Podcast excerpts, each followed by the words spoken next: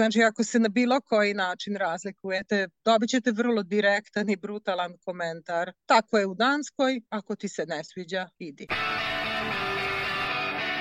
Znaš zašto radiš, znaš šta za to dobijaš, znaš da ti to ne može niko zakinuti, ti si kao radnik ovde apsolutno zaštićen.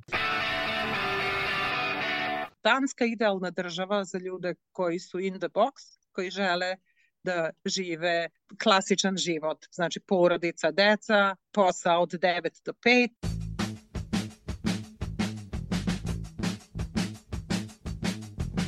Ovdje svako četiri godine se priča o ratu. Gore tih priča nema, gore se živi. To je propast za državu. Kao, kao kad ode jedina sin od oca. Šteta je, pogotovo ovi naučnici, doktori, budući i tako dalje, sve ide vani. Normalno da recimo Hrvati ideju u Sloveniju, da Slovenci ide u Austriju. Misle da to nije dobro. Ja isto imam djecu. Nemam argumenta da im kažem da, da, da jednostavno žive, jer više i to i domoljublje i sve je to fraza. Puno više se radi nego u nas. Nemaš baš nekog vremena za odmor, ali isto tako taj rad dobro plaćen. Znači ne znam nikoga ko je ošao da se vrati, a i da nije zadovoljan. Znači svi ko su, koji su otišli čak rekli da bi se vratili, e, zapravo su na kraju ipak ostali. Kako da žive sa 20.000 u Aranđelovcu? Pa bit ću vam iskreno odlučio sam se, uvijek sam bio neki kao pesimist. Ma diću, ovde sam svoja kuća, svoje, tvoj narod, međutim, e, nema iz tog naroda ništa.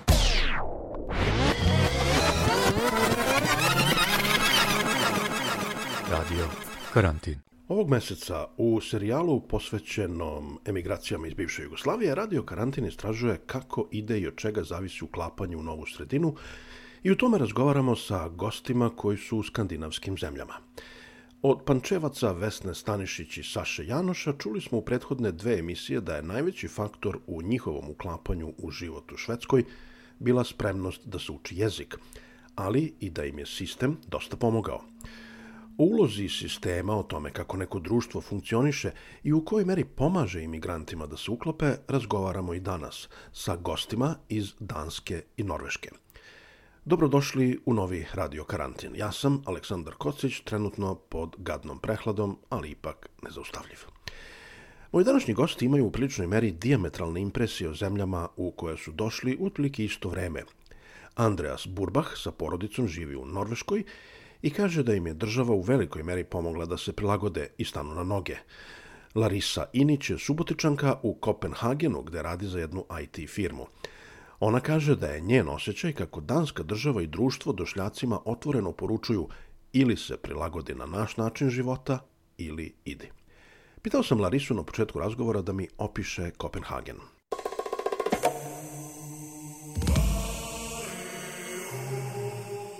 Pošto imamo užasno dugu i tešku zimu, reći ću hladan, čak leden, zato što je ljudi koji se kod nas žale na košavu, mogu samo da kažem da budu srećni što imaju košavu, a ne ovaj naš danski ledeni vetar. Ono što je možda najkarakterističnije za Kopenhagen i Dansku u celini jeste da je opušten. Recimo, to bi, to bi relaksiran grad. Nije, ne, nema mnogo tenzije, nema mnogo uh, dinamike e, i, i danci su takvi kao ljudi, dosta generalno, dosta neformalni, opušteni i, i ne mnogo nervozni. Recimo, tako, tako bih opisala grad. E, grad je prilično lep, na vodi je, ima mnogo kanala. Postoje još elementi stare arhitekture koja koja je drugačija od naše srednje evropske, ali je lepa. Možda malo siva i, i, i, i, i rigidna za naš ukus, ali je lepa. Nešto što je drugačije ne znači da nije lepo. Je li tako? Meni je bila spektakularna. Me, meni je mali grad zato što ja, ja se užasavam predgrađa i malih gradova, ja volim prave velike metropole, to Kopenhagen nije, zato što je on postao veliki grad možda pre 40 godina i to se oseti ne toliko po infrastrukturi koja je impresivna jer je izgrađena zaista fantastično, e, nego po načinu života i onome što grad, grad nudi. Je li grad prijatan za život, je li skup? O da, grad je jako skup. Mm -hmm. e, ako vam kažem da moj e, verenik i ja planiramo da se preselimo u London i da je u Londonu jedino smeštaj, odnosno zakup stana skuplji, onda je to, onda je to možda najbolja ilustracija koliko je život skup. Jeste život skup, ali su i plate relativno pristojne. Druga dimenzija tih pristojnih plata je da je da je porez užasno visok, tako da, da je porez od 37 do 55%, zavisi od toga koliko zarađujete. Ono što je Poređenja naj... radi, izvinite što vas prekidam, poređenja da. radi, u Britaniji vam je osnovni porez, u zavisnosti od toga koliko zarađujete, ali kad počnete da plaćate porez, to je 20%. Ono što je najskuplje i možda najneprihvatljivije za mene jeste da su usluge užasno skupe, ali je kvalitet usluga užasno nizak. Recimo, espresso je 6 evra, ali vi morate da odete do šanka i da sedite u hladnom kafeu u promaji, da popijete taj espresso i e, osoblje je užasno za, za, na, za naše pojmove koji smo, koji smo e, odrastali na srednjeevropskoj jeli, tradiciji i uslugama.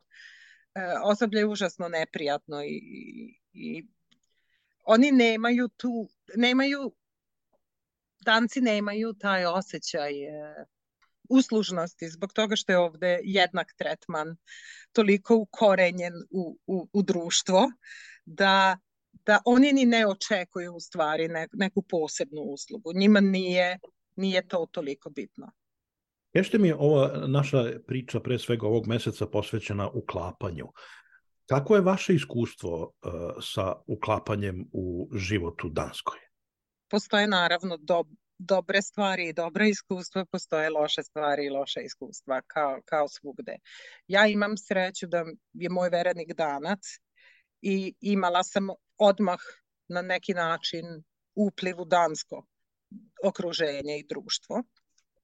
E, kada imate nekoga ko, ko, ko je njima blizak, to topljenje te skandinavske, e, e, tog skandinavskog oklopa ide nekako lakše, ali je opet rezerviranost prisutna pre svega zato što dansko društvo je jako homogeno i u Danskoj je it's Danish way or highway.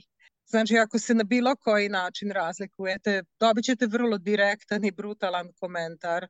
Tako je u Danskoj, ako ti se ne sviđa, idi. Ne mislim da je to toliko posledica nepristojnosti, već jednostavno načina komuniciranja koji je ovde malo malo drugačiji, malo, malo direktniji.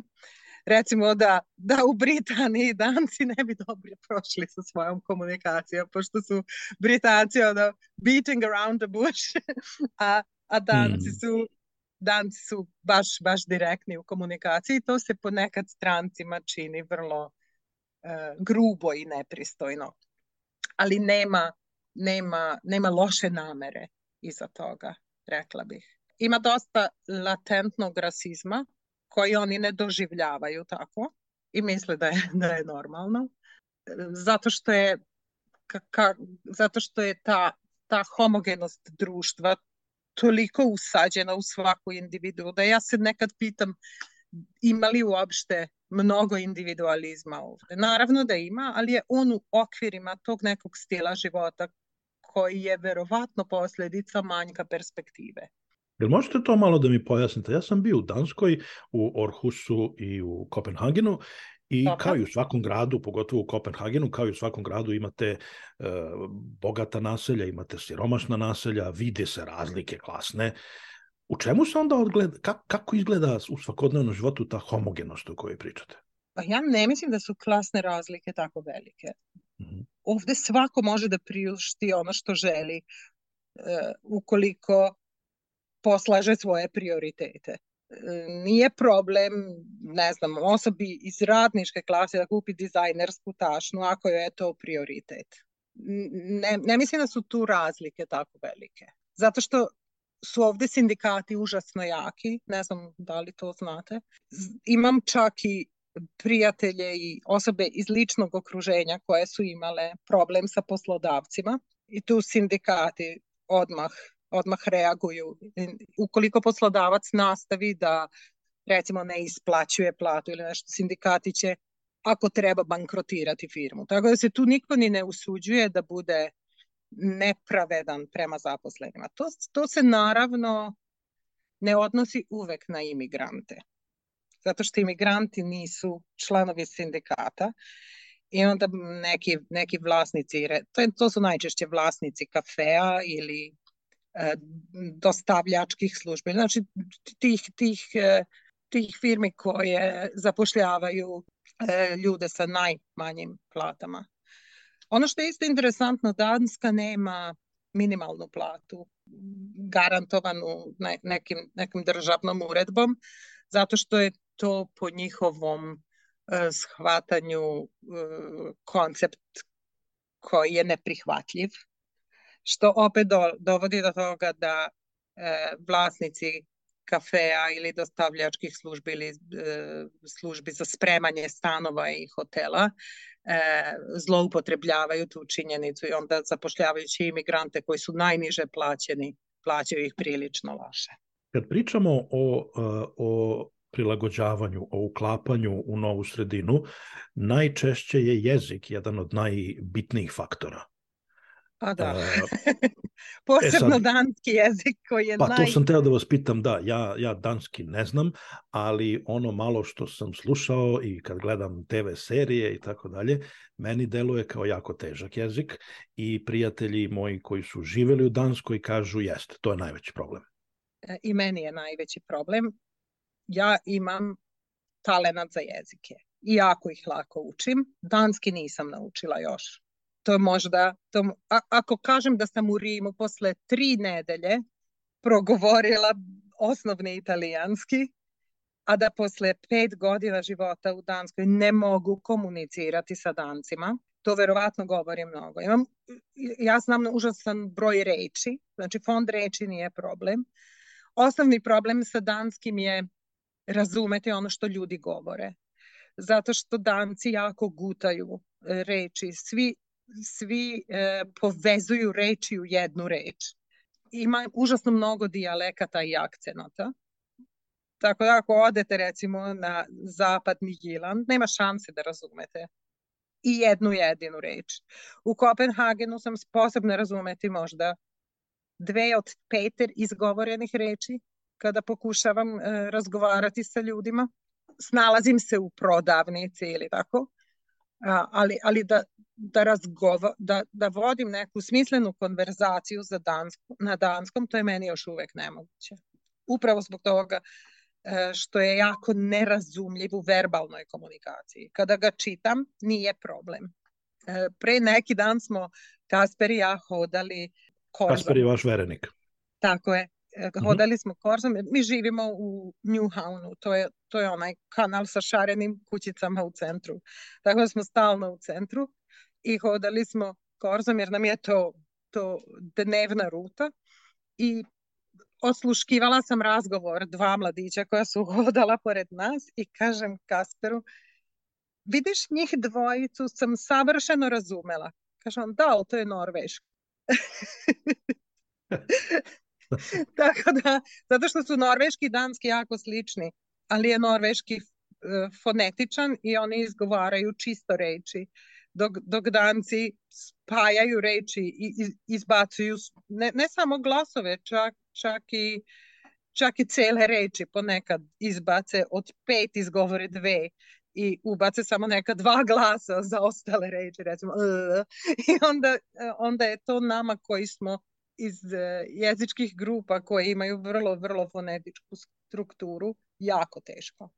Drugi problem je što su danci jako prijatni kad osete da se mučite sa danskim, svi odmah pređu na engleski. To je pogodnost u početku, ali ja sam već rekla Kasperu da su da su danci neprijatni kao francuzi kada, kada je reč o jeziku, ja bih verovatno već govorila perfektno danski. Ali to, to je na jedan način pomoć, na, na, na drugi način nije pomoć, zato što nemate u stvari šansu da vežbate jezik u, u, u konverzaciji. Ja sam naravno najgora od svih imigranata jer mi je momak danac i kao što Šuster ima najgore cipele, tako ja govorim najgori danski, zato što živim sa dancem. Koji govori engleski. Koji govori engleski. Znate kako Ali... ja koja sam bila bilingvalna ceo život i posle trilingvalna. Sad sam bi bilingual, zato što nijedan jezik više ne govorim na nivou maternjeg. Ali mogu da vas pitam ovo, e, s obzirom na jezičke probleme, e, koliko, koliko vas život u Danskoj i okruženje e, motivišu da probate da se uklopite? Ja ne mogu da kažem da se nisam uklopila. Nije ovde život loši, volim ovde e, da živim, ali e, životni stil i, i kultura možda nisu kompatibilni moje ličnosti. To bi možda bila najbolja definicija mog odnosa prema Danskoj. Ja nikada ne bih došla u Dansku da nije Kaspera, živela bih u Londonu. To je bio prvobitni plan. Ja sam već imala sve složeno da odem u London pre nego što Brexit kick in. I onda smo se mi upoznali i ja sam došla u Dansku. Ono što je meni lično najneprihvatljivije je taj nivo usluga koji je jako nizak. Nije to samo u kafejima. Ovde frizeri ne znaju svoj posao, kozmetičari ne znaju svoj posao. Nema konsistentnog kvaliteta. Recimo, otkrijete nekoga ko vam možda nešto uradi dobro, onda vam sledeći put sprži kocu. E, hemijske čistione su katastrofa. E, to su sve stvari koje većini ljudi ovde nisu bitne, zato što se ovde ljudi manje više oblače sportski, vrlo su opušteni u, u tom nekom smislu. Ja nisam. Ja nisam kompatibilna Danskoj kao, kao, kao osoba u tom smislu to je nešto što vas nervira, zato što odnesete, ne znam, četiri sakoa na hemijsko čišćenje, onda je taj neko zdrobi svu dugmad i, i, vrati vam, i vrati vam sprženu tkaninu i meni je to, meni je moda jako bitna. Jednostavno onda moram većinu stvari da radim sama, što je prilično zamorno. Jako mi je zanimljivo to što pričate, jer uh, supruga i ja smo bili u Danskoj, došli smo iz Škotske I Dobre. ono što, nam je, ono što nam je možda najviše upalo u oči, pre svega u Kopenhagenu, a donekle i u ovome Orhusu, to je koliko su ljudi uh, elegantno obučeni, koliko je sve nekako elegantno i sve mi je ličilo kao na neki Pariz na severu. Elegantni? Da. da li ste vi bili u Kopenhagenu u ovoj dimenziji? e, pa eto, to su sad percepcije. Ovaj, ali da, nekako je baš onako, kako da kažem, naj, najbolja reč ona engleska stylish. To je, to je bio moj utisak i suprugin o, o ovome Kopenhagenu. Ne mogu ja reći da oni nisu stylish, stylish su na svoj način, ali ne na moj način. Tako da meni je stylish visoke štikle i, i koje je nemoguće nositi by the way u Kopenhagenu zbog kaldrme da. koja je svugde ali tu postoje po meni neki možda suštinski razlozi zašto, zašto uh, mislim da neću ostariti u Kopenhagenu. Prvi je zdravstveno osiguranje, odnosno sistem, koji jeste besplatan i jeste dostupan svima, ali uh, su lekari dosta nekompetentni, posebno lekari opšte prakse. Nama je trebalo jako E, mnogo vremena dok nismo pronašli dobrog lekara opšte prakse. Uglavnom, kada odete kod lekara opšte prakse, ne, ne, ne slušaju šta im govorite i kažu pite panadil, panadol e, dve nedelje i javite se ako ne umrete. Znači, to je, to je osnovna, osnovna terapija. E, jako je teško dobiti uput za specijalistu. Specijalisti su donekle dobri, ali e, zdravstveni sistem je organizovan na način, odnosno lekari su instruisani da vas leče na najjeftiniji način. Meni je to, meni je to strašno. Men, meni je to neprihvatljivo i ono što je osnovni problem u stvari sa zdravstvenim sistemom je da praktično nema prevencije. E, ne postoje sistematski godišnji pregledi, ne, ne, ne postoje e, screeninzi. Na primer, ginekološki pregled je svakih pet godina. Većina skrininga za, za ozbiljnije bolesti su posle 55. godine, što je prilično kasno u poređenju sa, sa drugim e, državama. Tako da taj, taj zdravstveni sistem još uvek nije bitan u našim godinama, ali za 20 godina će biti veoma bitan. A kažite mi, Larisa, u kojoj meri je Danska skandinavska zemlja? Ako pitate druge skandinavce, oni će verovatno reći da nije. Baš zato vas i pitam. da. Ali u suštini ja mislim da je veoma. On, oni su možda malo, malo drugačiji u odnosu na šveđane ili norvežane, ali ne toliko koliko šveđani i norvežani žele da, da, da, da prikažu. Recimo šveđani misle o dancima da su šovinisti, a danci e, za šveđane kažu da su pretenciozni i pomodari. Vole norvežane više, to sam primetila. Ali to je onaj, to je više onaj friendly banter. Nema tu neke neke realne, e, nekog realnog animoziteta. To je više, da ja mislim da danci imaju najviše humora od svih skandinavaca, na primjer. I, skandi, I danci nisu toliko opterećeni političkom korektnošću kao, na primjer, šveđani. To mi se Evo, jako dopada. Hoću da vas pitam još ovo, pošto smo oboje Vojvođani. Ja sam iz Pančeva, vi ste iz Subotice. Uh, kad sam bio u Kopenhagenu, manje više, ali u ovom gore na severu u Orhusu, meni je to jako ličilo na Vojvodinu. Ja više volim Jiland. Da Arhus ima aerodrom koji je bolji e, i, i, i koji je povezaniji sa drugim evropskim gradovima, ne znam da li bismo živeli u, u Kopenhagenu. Arhus je još dosadniji od Kopenhagena, tako da verovatno bismo, ali, ali ja Jiland volim više upravo zbog toga što je mentalitet jako sličan vojvođanskom i najbitnije hrana je jako slična vojvođanskoj. Tako da kada sam se preselila u Dansku, ja sam uvek malo batila sa kilažom i volim da jedem, ali kada sam prešla u Dansku, onda smo Kasper i ja počeli da kuvamo i razmenjujemo recepte i napravili smo abominaciju dansko-vojvođansko-mađarske kuhinje i oboje smo se ugojili užasno mnogo. Zato što recimo danci imaju sosove koji su još bolji od naših jer u njih dodaju slatku pavlaku. A mi u sve dodajemo slaninu, tako da smo mi napravili kombinaciju ta dva. A boga mi, ja se sećam i, bilo je jako... Slanina Molim? rules. Jeste, u Danskoj slanina na sve strane. Meni, meni je upalo u oči onako na onom pojavnom, površnom nivou. Slične su bile ulice te, ovaj, u starom gradu, Tako svuda je. naravno ovi biciklovi, čak su i one plave e, značke na kućama sa brojevima kuća, identične yes. kao kod nas. I onda mi je to bilo jako simpatično i mentalitet ljudi je onako vojvođanski. U, u, na Jilandu su ljudi sporiji, razlika između Orhusa i Kopenhagena je recimo kao razlika između Subotice i Beograda. Meni je e, jedan od, jedna od stvari koje mi ovde ne odgovaraju Danska idealna država za ljude koji su in the box, koji žele da žive klasičan život, znači porodica, deca, posao od 9 do 5, e, dva puta godišnje zimovanje i letovanje i zaista sva infrastruktura je potpuno podređena porodicama. Ja sam child free uh, po sobstvenoj odluci i naravno da se ne uklapam uz tu svu opštu, opštu posvećenost uh, i, i uh, deci.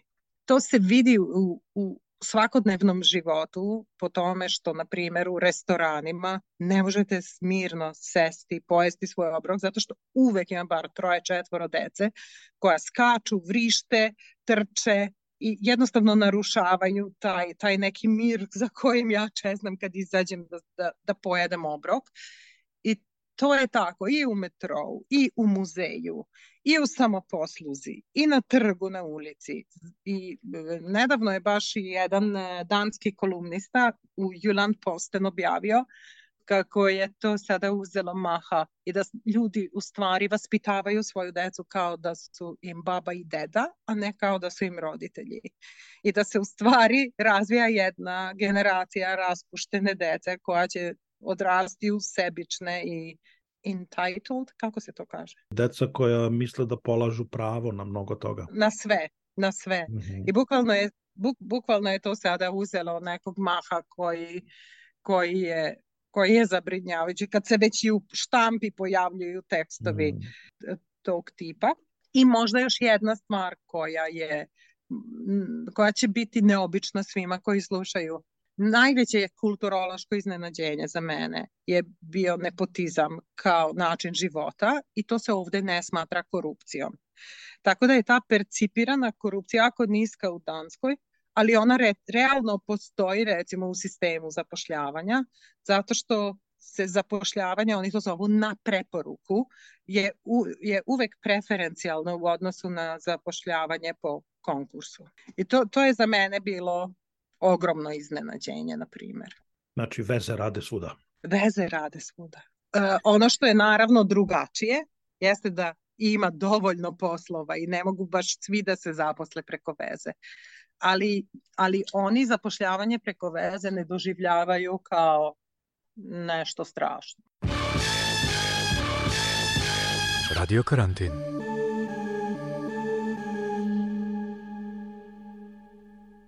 Larisa Inić iz Kopenhagena. Otprilike u isto vreme kad je Larisa došla u Dansku, novosađanin Andreas Burbach je sa porodicom prešao u Norvešku, jer je njegova supruga Maja prilično brzo i lako našla posao u inače traženoj farmaceutskoj struci. Ja sam u pekari, radim u pekari, to mi je, trebao sam menjati posao, imao sam neke mogućnosti, a baš pred koronu, ovaj, za neke druge poslove, ali s obzirom bila odluka ipak da ostane, to se dobro namestilo, pošto je dosta poslova je ljudi ostalo bez posla u nekim drugim branšama. A ovaj je opet koliko toliko bilo sigurno, ja? Ovaj, pošto ljudi moraju jesti hleba, ja? Tako da, ovaj... Jel moraš da ustaješ u ono pekarsko vreme? Ne, ne. Pa, vreme, ja radim mm, uglavnom od 8 do 4. A, to mi rada, ne ono od tri ujutro.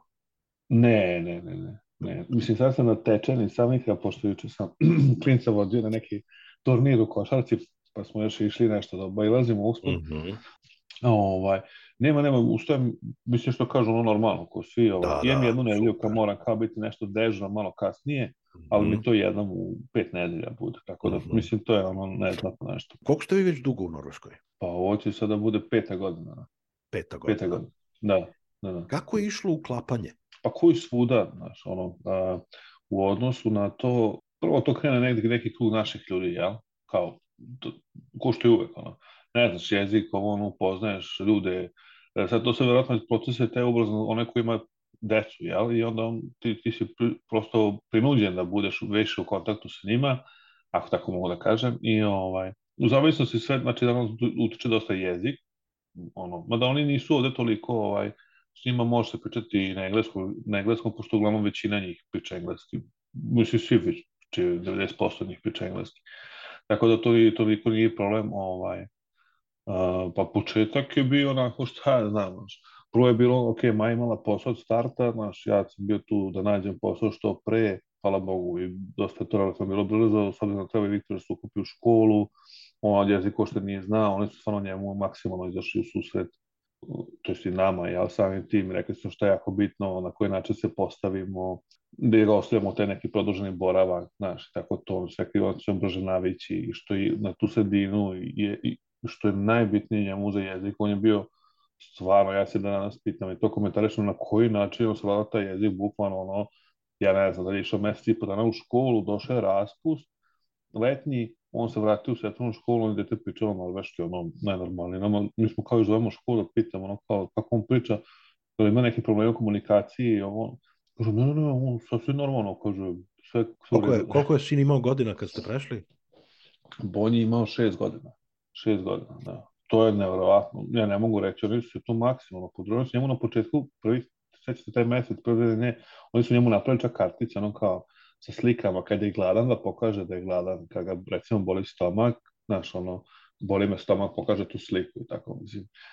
Mislim, verujem da je ono, znaš, normalno je, prirodno je, došao je tu, sve je bio stres, taj neki početak, a ti ne možeš prosto da razmišljaš o tome, ali ide, moraš da uđeš u sistem, ja, što kažemo. Mm. Tako da on je to, ono, to je bila ona briga kao ne veća, pošto on dolazi, ja tamo, babe, dede, svi ga pazili, prvi unuk, znaš, ako to se ide i onda došli vamo, nide nikog, ne, nikog ne znaš, strani jezik, žena radila ono bilo na poslu, ali jako, jako, ja sam ponosan kako je on to, generalno kako smo to sve izvali. A kaži mi, deca nekako prirodno upiju jezik i da. u školi su, pa su okruženi drugom decom, pa steknu prijateljstvo i tako. Kako ide uklapanje za vas odrasle? I ti, ti nisi mogao tek tako prirodno da upiješ jezik, ti si pretpostavljamo morao da sedneš i da bubaš. Pa još uvek, još uvek, ti sam, žena je tu mnogo bolja, a pazi, to ima veze i sa poslom i okruženjem. Ja imam na mom poslu i bukvalno imam ljude sa bivše ex, ono, Jugoslavznači, imam ljude iz Zagreba, iz Bosne, iz Makedonije, Znaš, mi tamo, mislim, Poljaka ima, ima i Norvežana, ima i Danaca. I u tomu se ko mene posluje je engleski, znaš, baza jezik. Norvežani između sebe Norvežani pričaju na norveškom, znači. Ali, znaš, čim tu jedan, kako da kažem, da nije Norvežani, priča se engleski, znaš, automatski se prebacuje priča na engleski i ono meni je to mnogo teže, dok Maja, recimo, ona radi apoteci i njoj prosto konstantno dolaze je, ljudi koji uzimaju neke lekove, šta znam, i pričaju na norveškom i prosto je nju, znaš, ono, ušla mašinu i ćao, sad ti znaš, ne znaš, ti snalaziš se, pa učiš vremenom, znaš. Ima taj neki krug, imaju te familije grupe ovde, recimo, znaš. Ima go grupe, ima familije grupe, to je ona go grupa deca koja je sad sin moj s kojim drugarima idu u školu, pa to početko su oni bili mali, uvijek su išla po dva roditelja, su ih još pratila. Znači, to pričamo o tom prvom, drugom razredu nekom. I ti onda tu tako kreneš sa tim jednim roditeljem, na, malo pričaš s njim, pošto mi njih pratimo do škole, onda se vraćamo nazad i tako. Ovaj, onda imaš te familije grupe, isto tu, su, tu je uključeno pet porodica sa njihovom decom, i svaki naredni put se organizuje a, dolazak prvo dece direktno škole, koja sad organizuje čiji je red, jel?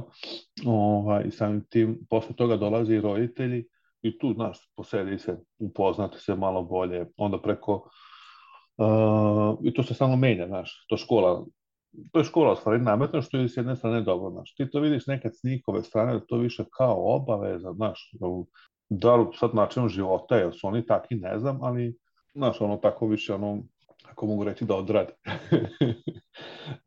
ali imaš i, ima ima ljudi stvarno koji su nama izašli susret maksimalno kad je recimo kad je e, Nikola rodio dok je Maja bila u bolnici šta ja znam, drugi bilo tu i naših da, da, drugi sin, znači Vitor je kriš u školu, mi sad, znaš, ja tu sam, ajmo, idemo u bolnicu, vraćam se, danas je, znaš, ne možete sad to tempirati, sad će poroviti, to je to, znaš, to, to, to je trajalo par dana, i što su nam što su nam naši ljudi neki za susret, nego što su ti Norvežani od, od ovaj, što relativno blizu nas žive, oni Vitor je kod njih dve ili tri noći spavao, oni, znaš, oni tamo konstantno kod njih, znaš, oni su maksimalno se tu zauzeli da mu bude prijetno, da, znaš, da, da on da funkcioniše normalno. To se da i mi, opet ja ne moram obavezno, znaš, da se vraćam stan po njega, da vidim šta se dešava, znaš, tako to.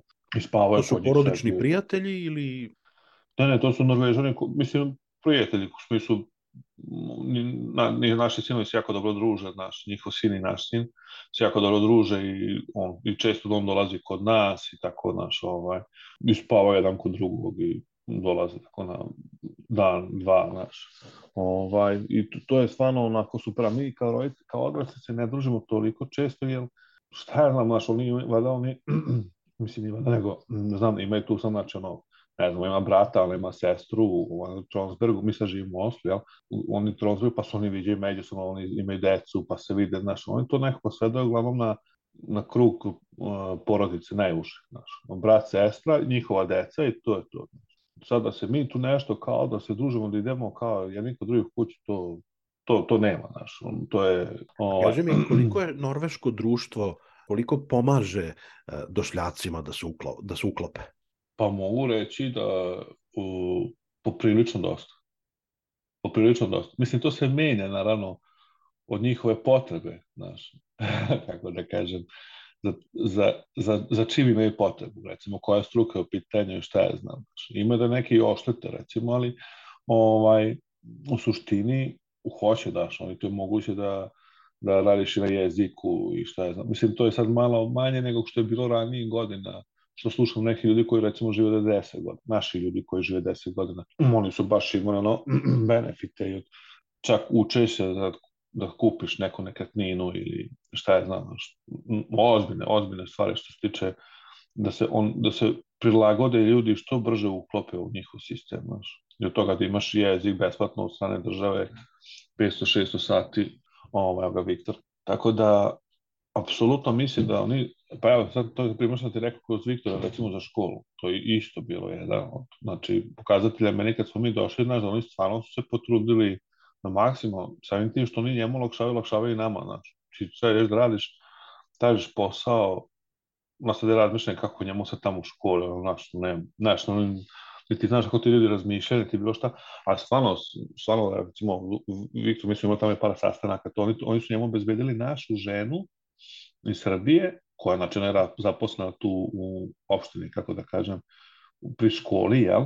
Gde ona njega je jednom nedeljno imala s njim po minimum sat vremena da ona njemu se objasni šta je njemu za domaći, on ju mogu da pita ako nešto nije jasno, da ona to objasni, znači bukvalno radila s njim i to, to ti plaća država, opština, zapravo da živiš. Znaš. I on, on je s njom radio, boga mi, jedno godinu dana. I to sva deca imaju. Sva, bukvalno sva deca koju dođu stranci, znači to je njima obezbeđeno ovde. Znaš. I to dobije na maternjem jeziku, mislim, jel? I je žena apsolutno upoznata od početka do kraja šta je njemu neophodno, znaš, i priča i sa njegovim nastavnicima, profesorima škole, s čim treba se radi, znaš, na što više su usmere i tako dalje. Tako da po tom pitanju stvarno sam ono, ovaj, prijatno prilično iznenađen, znaš. Tako da, Kako ste izabrali dosta... Norvešku? Pa Norvešku, kaj, pa to je dobro pitanje. E, iskreno čemu mislim, ja, prvo smo gledali bileti za Nemačku nekako da odabimo, znaš. To je uglavnom baš, ono kao bliže je, šta je znam, lakše doći do, do Srbije i kolima i ovako i onako odade, teško ko se usudi direkt, mislim idu ljudi kolima, ali je mnogo manje. Je daleko je 2000 nešto kilometra. Pa prosto je bilo zato što je trebalo mi, ono sa srpskim pasošom da biti teško da odeš, ne znam, gde. Znaš, ne možeš da biraš, mnogo skraćene su ti te ovaj, sužene mogućnosti, kako da kažeš. Ja ti možda hoću neku državu da, da ti ne na osnovu škole nečega, jel, nekog posla, i možeš, možeš osnoviš u toj državi sem ono turističke vizije. Jel?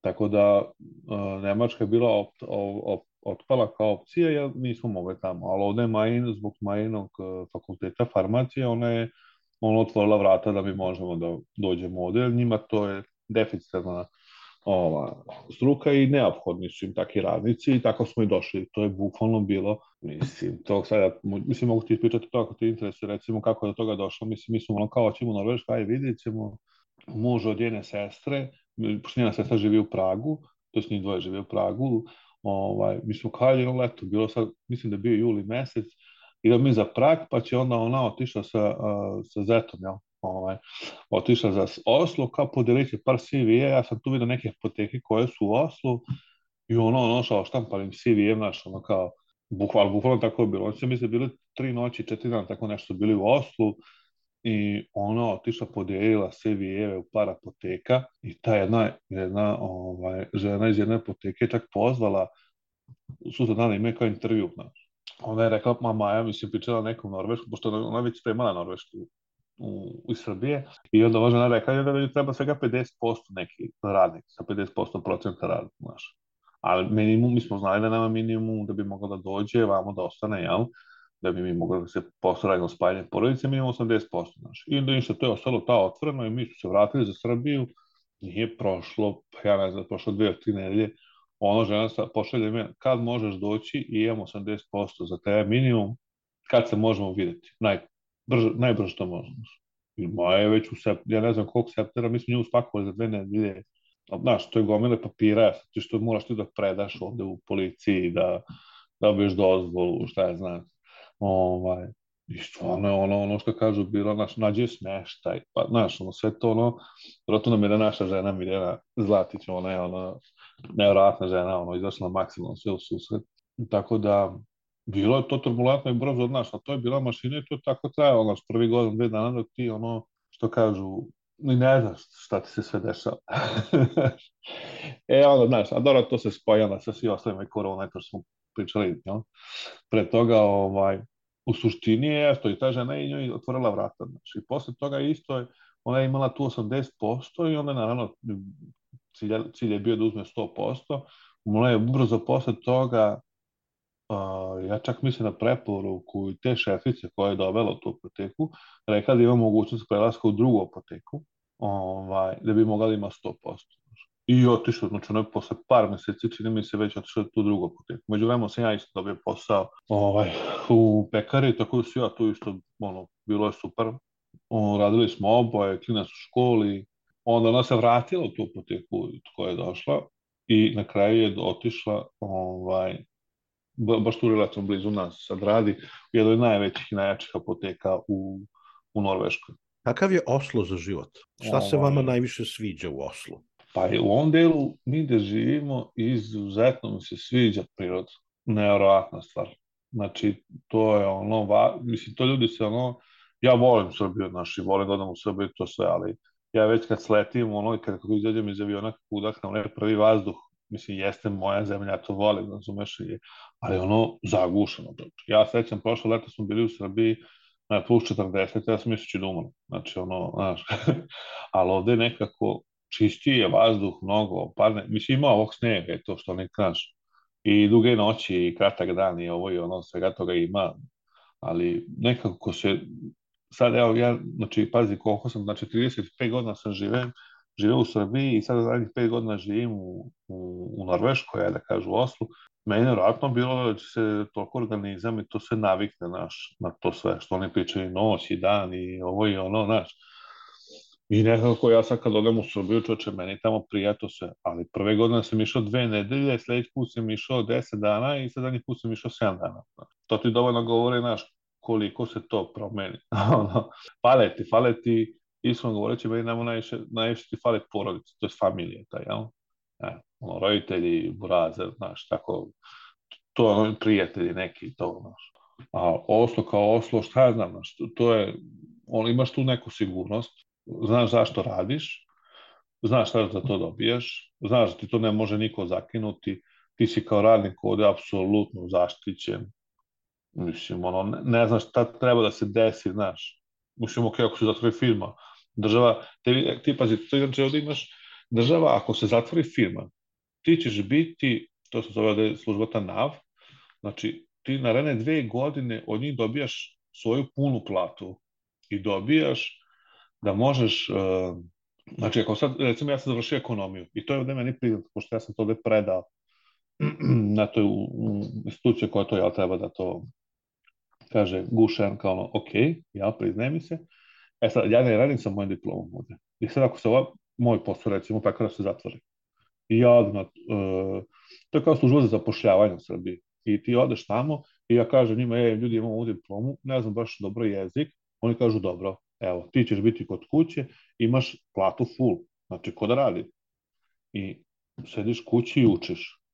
I ti kaže, ti program, ti se nama javljaš na svake dve nedelje, imaš obavezno da se javiš, onda oni te polako ulaču u priču da ti ideš, da to oni napišu bolje CV, šta je to šta bi ja radio, znaš, kakav je to vrsta posla, šta znam, znači ti ono, znaš, apsolutno si obezbeđen, znaš, ti ne moraš ono da u tom smislu, u tom pravcu, što mora da, znaš, oni tebe tere da ti da budeš bolji, kako da kažem. Da ti oni nađu da ćeš ti da budeš srećen u nekom poslu, znaš, da, ono, ovo, da radiš ono što ti želiš da radiš, kako da kažem. Ja? Pazi, ti dve godine, ovde su ljudi za vreme korone, znači ja znam naš, znači ne govorim to samo Norvežan, to, to važe za sve, ljudi su bili, znači na, uh, zbog korone su, znači neke struke, zato sam ti rekao zašto je bilo dobro Maju farmaciju, sam bio pekar, mi smo radili stalno. Mislim, a s jedne s druge strane, nekim ljudima, nama je to bilo bitno zbog papira naših, znači, a ljudi koji su ovde duže, znaš, oni su bili uh, poslati kući, jer im nisu bili potrebni više na poslu,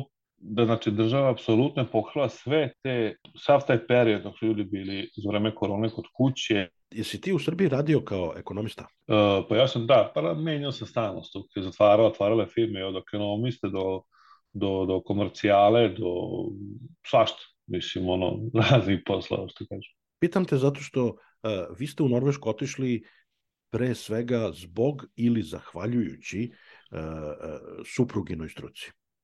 Da, da. Kakav je osjećaj uh, bio tvoj kao njenog Dobro. supruga koji, znaš, ona, ona je dobila posao pa ste otišli. Koliko je onda Otišla prvo ona sama. Da. Koliko je onda tebi teže ili nije uklapanje i, i počinjanje s obzirom da ti nisi imao ništa, ti si bukvalno krenuo od Da, da, da. Ti si i- bio ovaj, Da, da, ja sam glavni, da- glavna da- pomoć u kući. Da, da, da, ja sam bio ono sa knjeg prva dva meseca dok nisam počeo da ja sam tu ono na s njim nabavka, ono sve živo, znači, ali, pazi, ja sam znao sam cilj, znaš, znao sam apsolutno koji je cilj i znam da je neophodno da ona mora da radi, mislim, da radi zbog svih, svih nas, ja, znaš, ono, i prosto sam, znaš, ja se trudio ovog malo vedem u školu, ono, ovaj, što ti kažem, go grupa, sedim roditelj, pa tu nešto s njim pričam, ja već imam plan, znaš, koje ću firme da obiđem, gde ću da ostavim CV, ona je tako došla i imala, je- mislim, znaš, ja sam rekao, to je neki znak bio, što kažem, ona je ovdje tri dana, ostalo ne znam koliko si je dobila intervju, dobila pa, pa rekao, idem ja, naš, bilo je tu, posle ti ja upoznaš ti polako, naše ljude ovde koji, tako se na kraju dobio posao, preko našeg čoveka koji me preporučio kod drugara koji je radio toj pekari. I tako sam ja upao tamo, znaš. I da danas sam tamo, znači. Tako da, ovaj, stičem okolnosti, ono, naravno, ovaj, sad kad bi bolje savladao jezik, to se sigurno bi bilo lakše, znaš. Nisi imao Ajde. dileme tipa nije ovo za mene ili kako ću ovde da se snađem. Nikad, e, iskreno ti kažem, nikad, nijednog momenta nisam, ja, ja mislim, ka, ali to je jako bitno, to je razlika, to sam skontao, među našim ljudima dosta pričam koji ovde žive i pet i deset godina, ali sad bitno je da li su oni tu kao familija ili imaju nekog, znaš, sad, ajde para, ako da kažem, momak i devojka, oni, znaš, oni mogu da se rasove, posvađaju se, znaš, a ti kad si već nekim u braku, to se, znaš, ima taj neki papir, mislim, ovdje, kako kažem, kao ništa ne znači, znaš, ali opet, znaš, ono stvara neku obavezu, znaš, ti već, ono, prema toj osobi, znaš, ono, dobro u zlu, šta ja znam, i, znaš, kako to sve prati jednu drugu priču. I, ovaj, prosto onda, ti dođeš, znaš, da kao imaš ono obavezu, znaš, sad, nije ti sad došao, ja sad ovde kao niza, taj da probam, kao šta da bude, znaš, ono, menje musik da se ga novu sredinu, školu, menja, to sve, znaš. I tebi to kao visi negde ono na glavom, ako opet kažeš, dobro, ako baš ne prođe, mislim, hvala Bogu mi imamo da ja se vratimo, znaš, nije to sad, znaš, ono, kao nešto, e, moramo, ne znam šta. Idemo, išli smo korak po korak i prosto, ovaj, nisam, nik, nisam nikad osetio taj teret, nešto, znaš, što s, m, radim posao koji ne radim u Srbiji, ja, mislim, to kažeš, ono, ja sam tamo na pakovanju, ok, tamo sam šef i to sve, neči, ali to je, znaš, koliko sam ja dao sebe i koliko sam imao vremena da to sve da uradim, znaš, e, recimo, da ulažem u svoju karijeru neku, znaš. Ja, s, e, obzirom na sve te okolnosti koje se dešavale među nam drugo dete, svašta nešto, znaš, korona, a, ja sam predan. Kažem, hvala Bogu da smo zdravi, sve to ide sa ovim nekim super tempom, znaš, ono, kad vidim tu decu svaki dan, nasmeju, šta ovaj maj, sad sme svaki dan, ma, rekao, bit će svega, znaš, tako da, možete, znaš, ono, ne uskodovam u ničemu, znaš, ne razmišljaš u tom nekom ekonomskom smislu, možda, mislim, govorim za neki normalan život, znači ne govorim za neke, znaš, ono, ono, šta ja znam, putuješ, ideš u Srbiju, možda, možda tamo ideš na godišnji odmor. I reci mi još ovo na kraju da te pitam. E, Norveška je zemlja koja je nekako dosta brzo prešla iz velikog siromaštva u veliko bogatstvo. Jeste. Jel se vidi to? Da. Ili se sad Da. vidi samo bogatstvo? Uh, vidi se, ne, pazi, realno, mislim, ali pazi, to zavisnosti s kojim godištem to komentariše, znaš. Ovi mladi, boga mi, znaš, ako se gleda neke ti, neka dečica od 15 do 20, recimo, godina, mislim da realno oni nisu svesni kako su njihovi roditelji žive, znaš, ili baba i deda, da kažeš, znaš. Čim ti sednaš sa starijim, oni ti uvek, i to se kod njih vidi, znaš.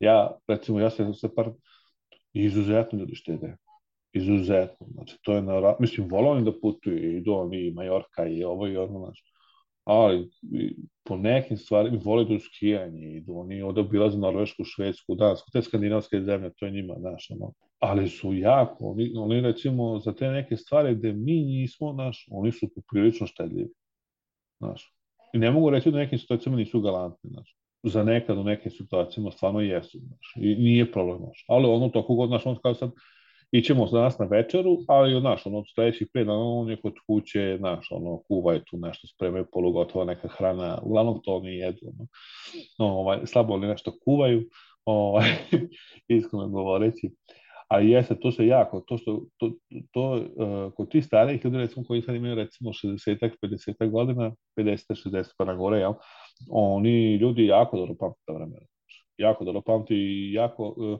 često to spomenu, Znaš, imaju taj 17. maj, to njima taj državni praznik i tu svi izađu, tu se svi kao pisno srede vela, ono, tu se slavi fešta, roštilja, ono, i stalno je to tema tamo. Znači, ja sam par puta bio kod tih Norvežana, naš, gde smo bili gosti, i to uvek, uvek onda oni, ovaj, no, glasaju decu na televiziji da smo mi, pre ne znam koliko godina, jeli samo, bila glavna hrana krompir i riba.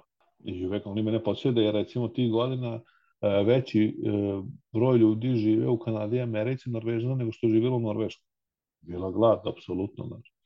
I to, znaš, ono, i oni kažu, oni su samo, ono, kako je došla nafta, pa gas, ono, za zoom, samo, znaš, ono, na gore, i sad ti vidiš šta je apsolutni luksus, ono, da se vozi povode, evo sad, da ju, mislim, vozio se od električna kola, znaš, i prehodnih godina, a to su ti sad pričamo o električnim vozilima koji vrede po 100.000 evra i više električni Porsche, Mercedes, BMW, znaš, ono, to, mislim, oni ljudi imaju para, ja to, znaš, ono, ali s obzirom koliko imaju para, ja znam ražan koji imaju izuzetno puno para. Izuz, ali oni izuzetno ljudi, on ima dobar auto, on ima vikendice dve, ima kuću, ima brod, ima, a ti kad njega vidiš, on je ovako poprilično skroman, znaš, i to, to bi se pokazalo što više ima, to je skromnija osoba, kako da kažem, znaš. Ovaj, nema da- mahanja, da, nema pokazivanja mnogo. Ne, ne, znaš, nema ono kao sad, znaš, kako to zna budu u Srbiji, kao ja sad, ono ima 100 euro u džepu i ja sam sad kao...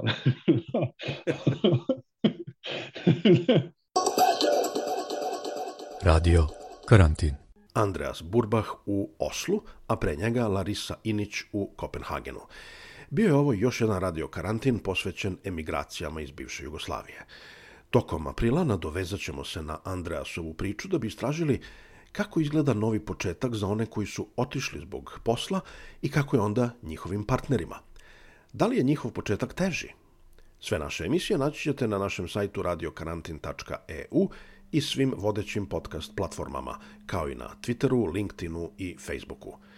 Javite nam se ako ste i vi otišli iz svoje zemlje, ako niste, razmišljate ili ako ste hteli pa odustali. Veliki pozdrav!